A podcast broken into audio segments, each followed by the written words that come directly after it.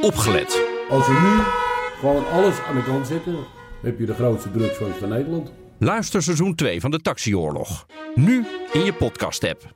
Het ziet ons een beetje zwart voor de ogen. Ja, hoe komt dat? Maar dat komt door de zwartgelakte documenten die we allemaal te zien kregen. DNR Nieuwsradio. Werkverkenners. Rens de Jong. Het onderwerp van deze week heeft niet echt een vrolijke boodschap. Het is pijnlijk. Je wil er niet over nadenken. Je stopt het een beetje weg. Tenminste, ik wel. Want het gaat over je eigen kwetsbaarheid. Deze BNR Werkverkenners gaat over de vraag: wat als de baas wegvalt? En laten we eerlijk zijn, daar heb je natuurlijk helemaal geen zin in om over na te denken. En toch is het belangrijk. Want wat gebeurt er dan? Draait alles door? Wie heeft het eigenlijk voor het zeggen? En hoe zit dat juridisch?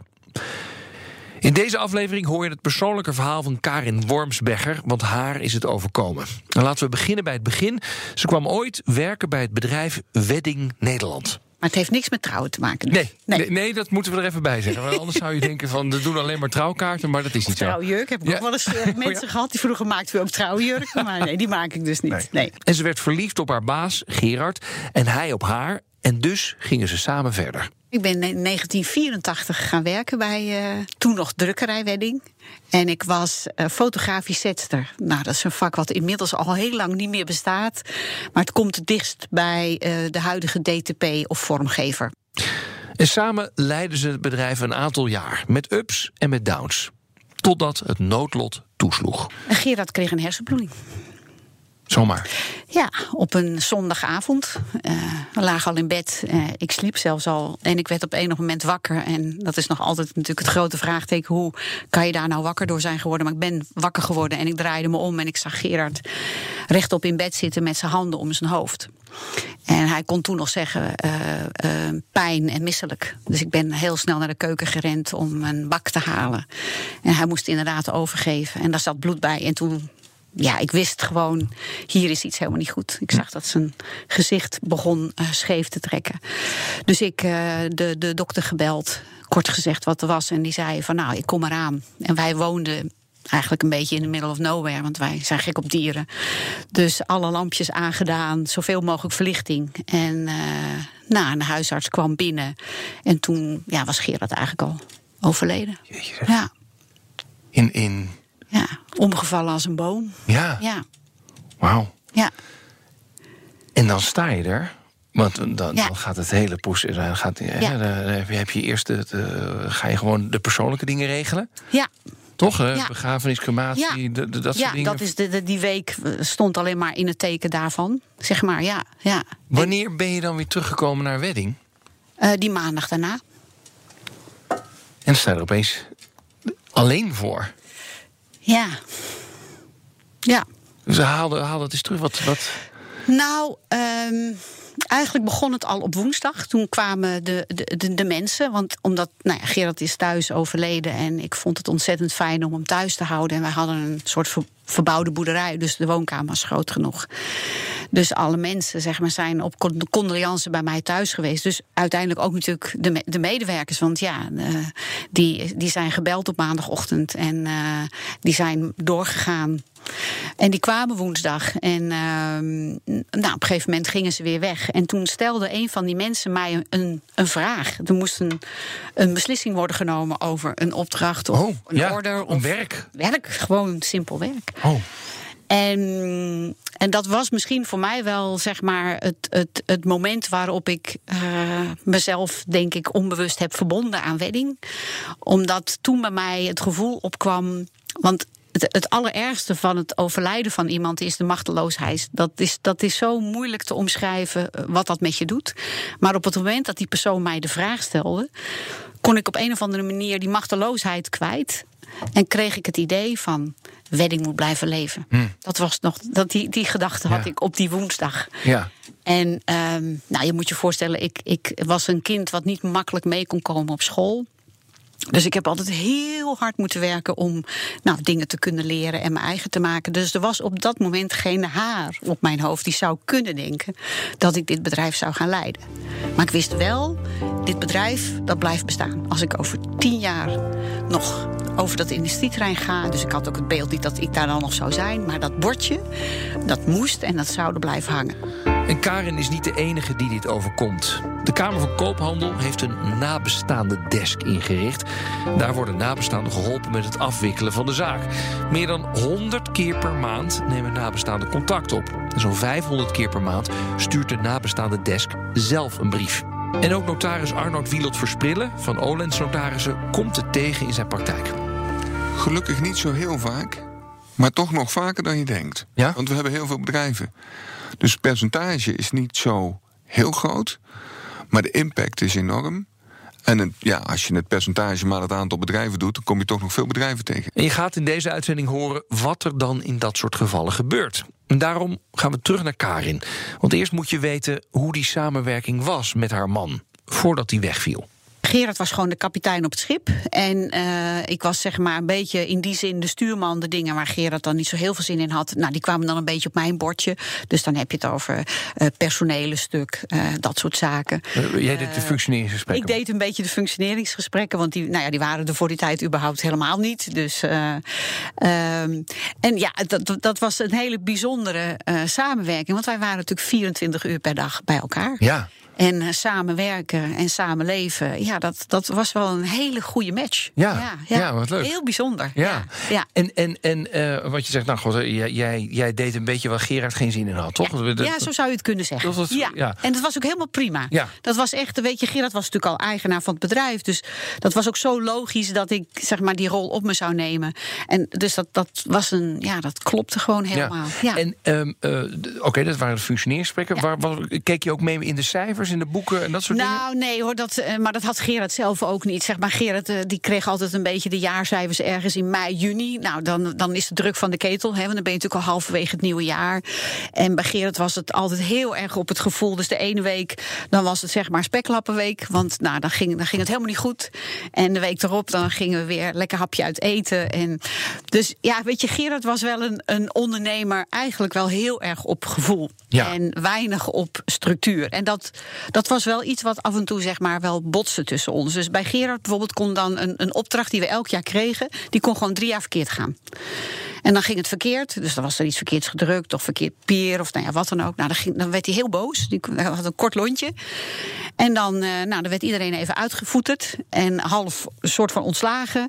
En dan was de storm weer voorbij. En dan gingen we weer over tot de orde van de dag. En, en ik bleef dan altijd een beetje verbaasd achter. En dacht ik, ja, maar nou moeten we toch nieuwe afspraken maken dat het niet weer gebeurde. Nou, dat, dat, was, geen, dat was niet Gerard. Nee. nee. nee. Eh, wa- Was hij ook iemand die eh, eh, bijna iedereen in het bedrijf zou kunnen vervangen? of Ja, dat ja, alle, alle ja, kennis bij hem ligt? Ja, ja, het beeld wat ik nog steeds wel van Gerard heb, is hij kwam altijd wel in principe in pak eh, zeg maar, op de zaak. Want eind van de dag dan was een stropdas die was tussen zijn knoopjes van zijn overhemd geschoven en zijn mouwen waren opgestoot. En ik had dus ook altijd, altijd vlekken op die overhemden. Dus het was inderdaad echt, het was eigenlijk was hij de meewerkende zeg maar, directeur. Dus hij kon iedereen vervangen. Hij wist ook. Hij was het nekkie, het nekkie van wedding. Ja. Dat was hij echt in alle opzichten. Ja. ja. Ja, je hoorde het Karin al eerder zeggen. Ik heb mijn lot verbonden aan wedding. Nou, dat dacht ze toen die medewerker met het condoleren een vraag aan haar stelde. Maar het was niet vanzelfsprekend dat zij vanaf de week daarna de leiding op zich nam. Ik had denk ik een glazen plafond die zo'n beetje op de vloer lag. Voor jezelf. Voor mezelf, ja. ja. Ja. Daar had ik inderdaad een heel, heel negatief beeld over Ja. mezelf. Ja. Oké, dan heb je de hele periode van rouw en, en crematie, begrafenis. En eh, nou, ondertussen werden er wel vragen aan jou gesteld. Dus moeten we dit, moeten we dat? ja. En op een gegeven moment, ja, dan denk je, ja, nou, wat denk, dan, dan moet je aan de gang weer, toch? Ja, dus ik ben. eh, De Gerard is op een zondag overleden. En eh, zeg maar, die week daarna op maandag ben ik eh, naar Harderwijk gereden. Wij woonden toen zeg maar in Drenthe. Dus het was een, een uur rijden. En dat deden we natuurlijk vroeger altijd met elkaar. En, en onze twee honden, want we hadden dan twee honden. En dat deed ik dus voor het eerst alleen. En, nou ja, en dan kom je op de zaak. En dan, dan is de eerste keuze natuurlijk al: waar ga, waar ga ik nou zitten? Ja. En nou, ik ben eerst toch maar weer op mijn eigen plek gaan zitten. Maar ja, er lagen natuurlijk allerlei vraagstukken. eh, Dus niet op de directeurstoel. nee. Toch? Nee. De, de stoel van Gerard blijft dan leeg. Uiteindelijk zeg maar, heeft dat tussen mijn oren een jaar of vijf geduurd. Voordat ik echt ben gaan zitten. Ja, ja. Maar die dag ben ik er wel gaan zitten. Oh. Want nou ja, je moest ordners pakken. En ik weet ook nog dat ik nog betalingen moest doen. En nou ja, niemand had natuurlijk eh, autorisatie om dat te doen. Eh, eh, ik heb ook nog de bank moeten bellen. Want ik had ook geen eh, code. Want ja, Gerard was natuurlijk het nekje. Nou, de juridische zaken kom ik zo meteen op terug. Eerst even kijken naar wat er gebeurt op de werkvloer op zo'n moment. Mijn naam is eh, Albert Goldsteen. Ik eh, ben nu alweer negen jaar ondernemer. Ondernemer en adviseur roep ik nog steeds. Ik ben enerzijds ondernemer bij Gouden Gasten. Een bureau wat veranderprofessionals bemiddelt. En aan de andere kant eh, Goudsteen en Danae. Een bureau wat in een fusietraject zit. En wat zich richt op het ontwikkelen van ja, heel veel verschillende verandertrajecten en leerproducten. Hey, en ehm, eh, mag ik jou zo omschrijven dat jij bij een interim bedrijf werkt? Klopt dat of niet? En, nee, ik denk dat dat, dat, dat, dat, dat eh, niet helemaal eh, klopt. Toen ik wegging bij, bij Hey Group, een organisatieadviesbureau, ben ik begonnen met, met een organisatieadviesbureau. Ehm, en daar is een interimbureau bijgekomen dat Gouden Gast heet. En Albert komt dus in bedrijven waar de baas is weggevallen. En dit moet er volgens hem sowieso gebeuren.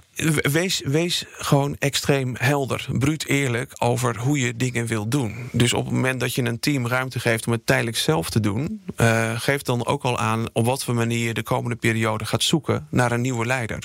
En geef ze daar ook een rol in. Eh, dus wat ik heel vaak zie eh, en heel goed vind, is dat mensen echt betrokken worden in de procedure bij het zoeken naar die nieuwe manager. En ook daarbij geldt weer opnieuw, soms dan zijn ze zich niet bewust van de kwaliteiten eh, die er nodig zijn. Maar oké, maar dat is dan inderdaad betrekken bij het zoeken naar de opvolger. eh eh, zwa. Maar je zegt, ik moet, je moet heel helder zijn. Ja. Dus dan denk ik ook dat je bijvoorbeeld zegt... eh, je mag het nu zelf doen, maar straks komt er een nieuwe baas of bazin...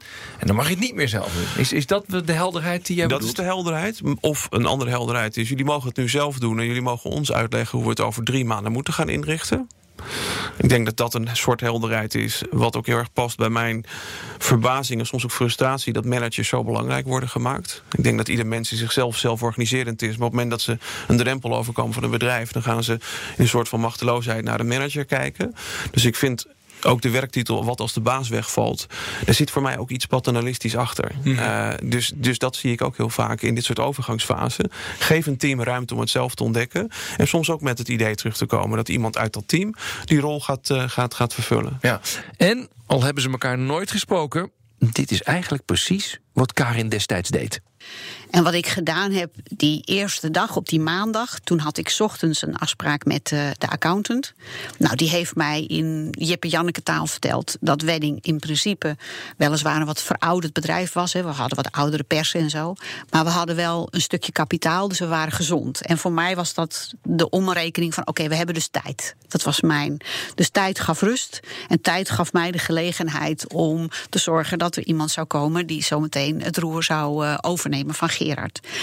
En die middag heb ik dat met de mensen gedeeld. Dus ik heb gezegd van ik wil dat dit bedrijf blijft bestaan. Maar ik, ik, ik weet niet hoe ik dat zou moeten doen. En ik heb jullie hulp nodig. Dat kan ik niet in mijn eentje.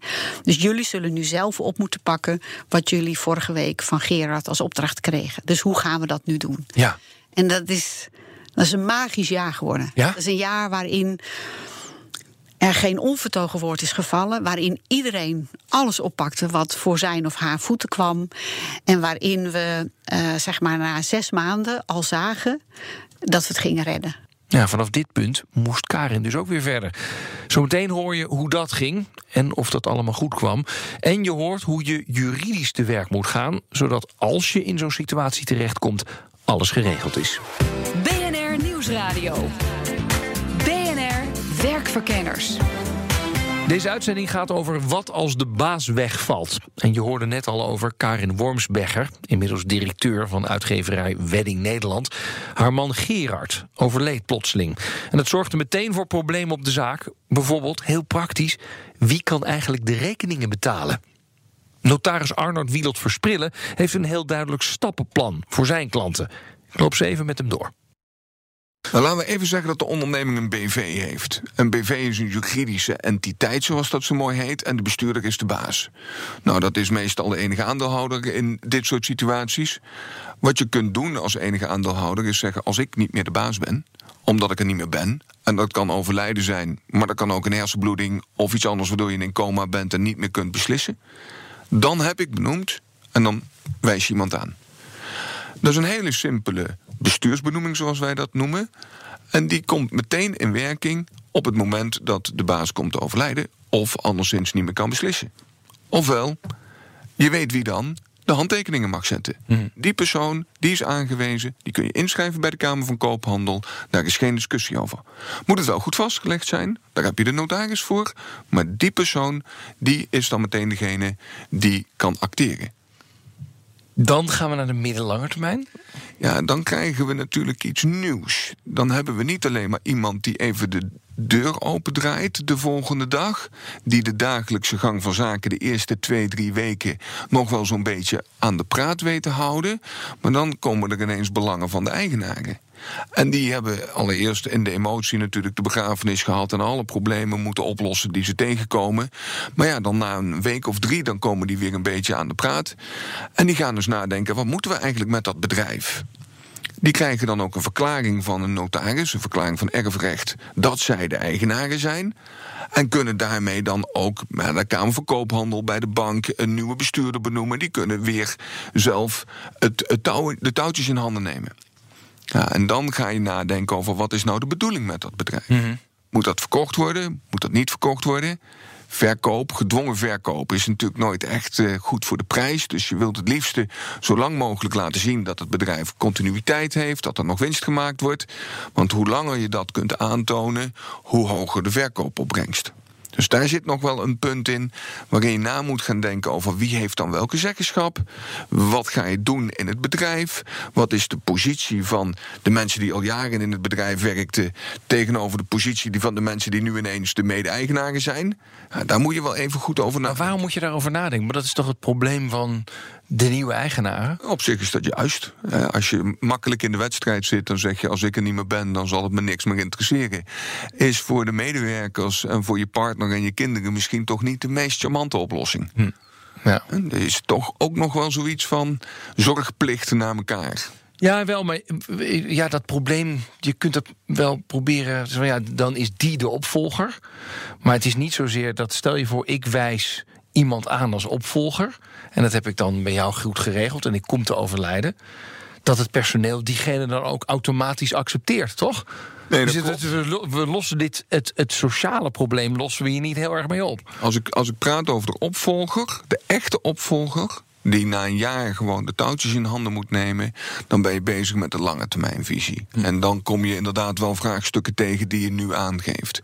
Als het gaat over de middellange termijn, dan wil je niet dat de erfgenamen rollenbollend met elkaar over straat liggen.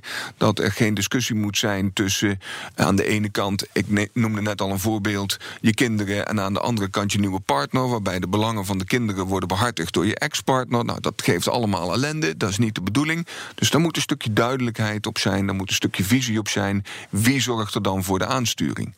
Op de lange termijn, dan ga je echt praten over opvolging.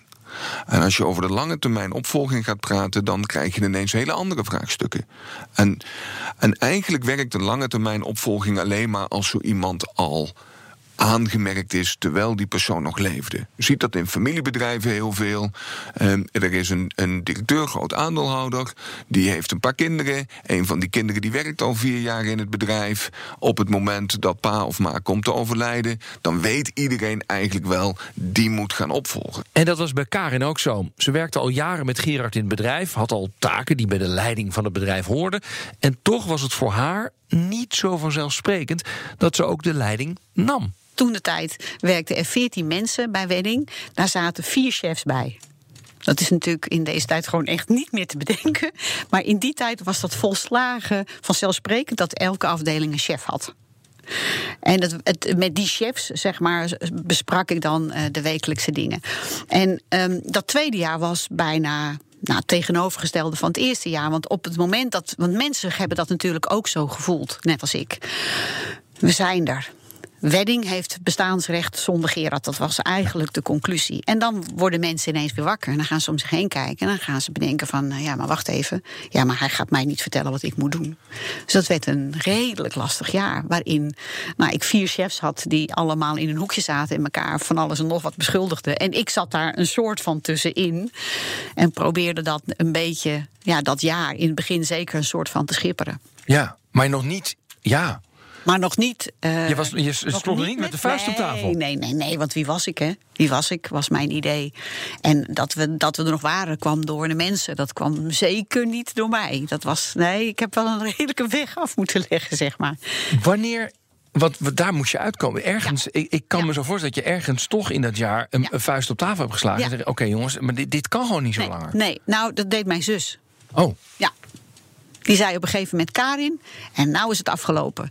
maar werkte jouw zus bij het bedrijf? Nee, nee, nee, nee. Maar ik. Jij, zat met haar te sparren. Mijn zus die kwam eh, drie, vier keer in de week eh, met eten, eh, zeg maar, om te zorgen dat het met mij wel een beetje goed ging. Want je moet je natuurlijk voorstellen, ik stond elke dag om vijf uur op. Dan ging ik alle beestjes verzorgen, een paard en kippen en alles. En dan stapte ik om zeven uur in de auto. Dan was ik om acht uur op de zaak. Dan werkte ik meestal tot een uur of zes. Dan was ik om zeven uur thuis. Beesten weer allemaal naar binnen. Ja. Nou, en om negen uur ging ik dan weer naar bed. Dus ik zorgde natuurlijk niet al te goed voor mezelf. Dus dan kwam mijn zus drie, vier keer in de week onder het mom van... ik heb nog een lekker hapje. Ja. En dan praat je natuurlijk, want ja, dat, Ja, maar- alles was maar- voor mij nieuw. Jouw zus zei: Karin, en nou is het afgelopen. Nou is het afgelopen, jij gaat niet achter de geranium zitten, jij kunt dit. Klaar. Gelooft u dat? Mijn zus geloofde ik, ja. En toen heb ik het in ieder geval opgepakt. Dus toen ben ik ook wel op die stoel gaan zitten. Maar mentaal ben ik pas twee jaar later echt dat ik ook besefte van ik heb dit bedrijf iets te bieden. Maar toen zag ik van ik moet nu de leiding nemen. Dus dat heb ik gedaan. Er zijn ook wat mensen afgevloeid. Daardoor ook uiteindelijk. Ehm, nou, en toen zeg maar in de jaren daarna ontwikkelde ik eh, eh, zeg maar mijn ondernemerschap. Want je moet je wel bedenken, ik denk dat ik drie maanden op de stoel van Gerard zat. En toen besefte ik al, dit is de allermooiste baan van de hele wereld. Oh ja? En dat vond ik heel lastig in het begin, want je voelt je natuurlijk heel schuldig. Maar ik vond het en vind het fantastisch. Waarom voel je je schuldig dan? Nou, dat je dan zou kunnen bedenken van... goh, nou, ik ben blij dat Gerard er niet meer is... want dan kan ik op die stoel zitten. Ja. Zo bedoel ik dat. Ja, ja. Dat vanuit zo'n gevoel, zeg maar. ja. Maar ik vond het helemaal geweldig. En ik had het gevoel alsof ik een chauffeur was achter een grote bus... en dat ik kon bepalen waar we na- naartoe gingen. Nou, dat heb ik ook wel echt, echt gedaan de Wat heb, je, 18 jaar. wat heb je dan anders gedaan in de. Wat ik gedaan heb is, je moet je bedenken doordat ik geen kennis had, want ik had geen opleiding om ondernemer te worden. En ik ben vanaf dag één alles op mijn gevoel gaan doen. Dat doe ik nog steeds tot op de dag van vandaag. Het grote verschil is wel dat ik inmiddels voldoende financiële kennis heb en ook structuur heb. Dat ik dat natuurlijk altijd wel naast elkaar leg. Maar ik ben iemand die altijd wel kan voelen welke stap ik op welk moment moet maken. Ja, maar doe je het ook anders dan Gerard? Want je zegt, Ja, totaal bij, anders. bij Gerard was het alles los en eh, bij weinig structuur. Ben jij dan degene... Ik ben, ik ben veel meer van de structuur, maar ik ben ook iemand van samen. Dus Gerard was wel echt een baas. En ze, en ze waren echt gek op hem. Eh, maar ik ben iemand die het echt samen doet. Dus ik kan verantwoordelijkheid bij mensen. En dat moest ik natuurlijk dat eerste jaar, omdat ik het niet allemaal kon doen. Maar dat is ook wat voor mij het ondernemen leuk maakt. Ja. Dus dat is een heel groot verschil. Ja, Ja. e- even eh, vast voor, want hoe lang geleden speelde dit? Afgelopen 5 maart is het 18 jaar geleden. Ja. ja. Ehm, hoe draait het bedrijf nu? Nou, we zijn weer uit een ongelooflijke moeilijke periode gekomen. Maar eh, ik denk dat dit 175ste jaar eh, het jaar wordt van een eh, zeg maar vernieuwde toekomst. Omdat we het oude ook hebben moeten loslaten. die er weer heel glansrijk uitziet. Ja. En aangezien ik me nog een redelijk jonge ondernemer voel. Ook al word ik dan dit jaar 60. Ben ik in ieder geval van plan. Ik heb nog een 10 jaren plan. Samen met een zakelijk partner inmiddels. En ja, dus wij gaan er nog 10 jaar vol tegenaan. Ja. Ja. En ik heb nog wel een paar dromen. Ja? Ja. Ja, wat, wat is je droom nog? Nou, gek genoeg is ehm, al sinds ik me kan herinneren, speelde ik winkeltje. Ik ben een kind geweest die een winkel, en dat vind ik nog tot, tot op de dag van vandaag. Een winkel is voor mij iets magisch. Ehm, dus het ligt natuurlijk redelijk voor de hand dat mijn wens om nog een keer een ongelooflijke mooie boekwinkel te hebben, gekoppeld aan de uitgeverij die ik heb en de drukkerij die ik heb, dat zou een soort combinatie kunnen zijn waar schrijvers komen om te schrijvers, waar redacteuren zijn, waar uitgevers zijn, waar een podium is om boeklanceringen te doen. Nou, dat, dat is zeg maar de allergrootste wens. Nou, plannen zat dus voor Wedding Nederland de komende tien jaar. En voor iedereen die baas is, heeft Albert Goudsteen nog een goede raad. Ik vind zelf dat iedere manager, bestuurder of ondernemer zich iedere dag moet afvragen: wat, wat als ik er niet meer ben? Eh, dus ook iedere dag ook voor zichzelf moet, moet kijken van op wat voor manier ben ik nou mijn bedrijf of mijn afdeling ook onafhankelijk van mezelf aan het maken. En tegelijkertijd, ik vind dat zelf ook iedere keer weer een uitdaging. Ja, waarom is dat zo'n uitdaging? Nou, wat, wat ik zelf merk, eh, maar dat is eventjes mijn eigen reflectie, is dat je vaak gewoon, gewoon eh, dat ik merk dat ik, dat ik zie welke waarde ik toevoeg binnen ons bedrijf. En dat ik het soms ook heel lastig vind om de tijd te nemen om dat ook over te dragen aan anderen. Dus ik probeer het aan mijn klanten uit te leggen. En tegelijkertijd merk ik zelf iedere keer weer hoe ingewikkeld het is om stil te staan. Ja. En de tijd te nemen om anderen te vertellen of uit te leggen. Of ook Hoe- ruimte te geven om hoe jij het doen. doet. Ja, hoe ik het doe. Ja. eh, en, en hoe zij het ook op hun eigen manier zouden kunnen vertalen. Ja, en, en dus heel snel, nou laat mij het maar even doen. Of ik, ik heb het al gedaan, ik heb al even met de klant gesproken. Het, dus je leert ze eigenlijk te weinig omdat je snel wil zijn. Eh, exact. Ja. Eh, sterker nog, eh, iemand die ik erg hoog op zit, die zei laatst tegen mij: joh, ze hebben echt meer aan jou denken dan aan jouw antwoorden. En dat vond ik wel een hele mooie. Eh, en ik denk dat dat ook heel belangrijk is als je in die spiegel kijkt als ondernemer of als bestuurder. In hoeverre ben je ook echt mensen onafhankelijk van jezelf wat maken? Of vind je het stiekem wel lekker om af en toe in die traditionele basisreflex te duiken? Dat is namelijk gewoon zorgen dat jij het allemaal voor het zeggen hebt en dat de anderen doen wat jij wil. Nou, een samenvatting van deze uitzending. Niemand wil dat deze plannen nodig zijn, maar denk er wel over na hoe je bedrijf verder moet als jij er niet meer bent. 1. Zorg ervoor dat je een goed plan hebt. Als je baas bent en je hebt niet meegeschreven, luister dan die drie stappen sowieso nog even terug van de notaris. 2. Neem de tip van Albert ter harte en maak een duidelijk plan met je personeel. En 3. Heb je een partner? Praat erover met elkaar. Al is het maar één keer per jaar. En dan drink je daarna gewoon een borrel. Een proostje op het feit dat het hopelijk nooit nodig is. Dit was BNR Werkverkenners voor deze week. Volgende week hoor je meer, natuurlijk op de radio, op dinsdag om 7 uur s avonds en altijd ietsje eerder via de podcast. En die vind je natuurlijk op je eigen podcast-app, Spotify of iTunes. Tot de volgende keer.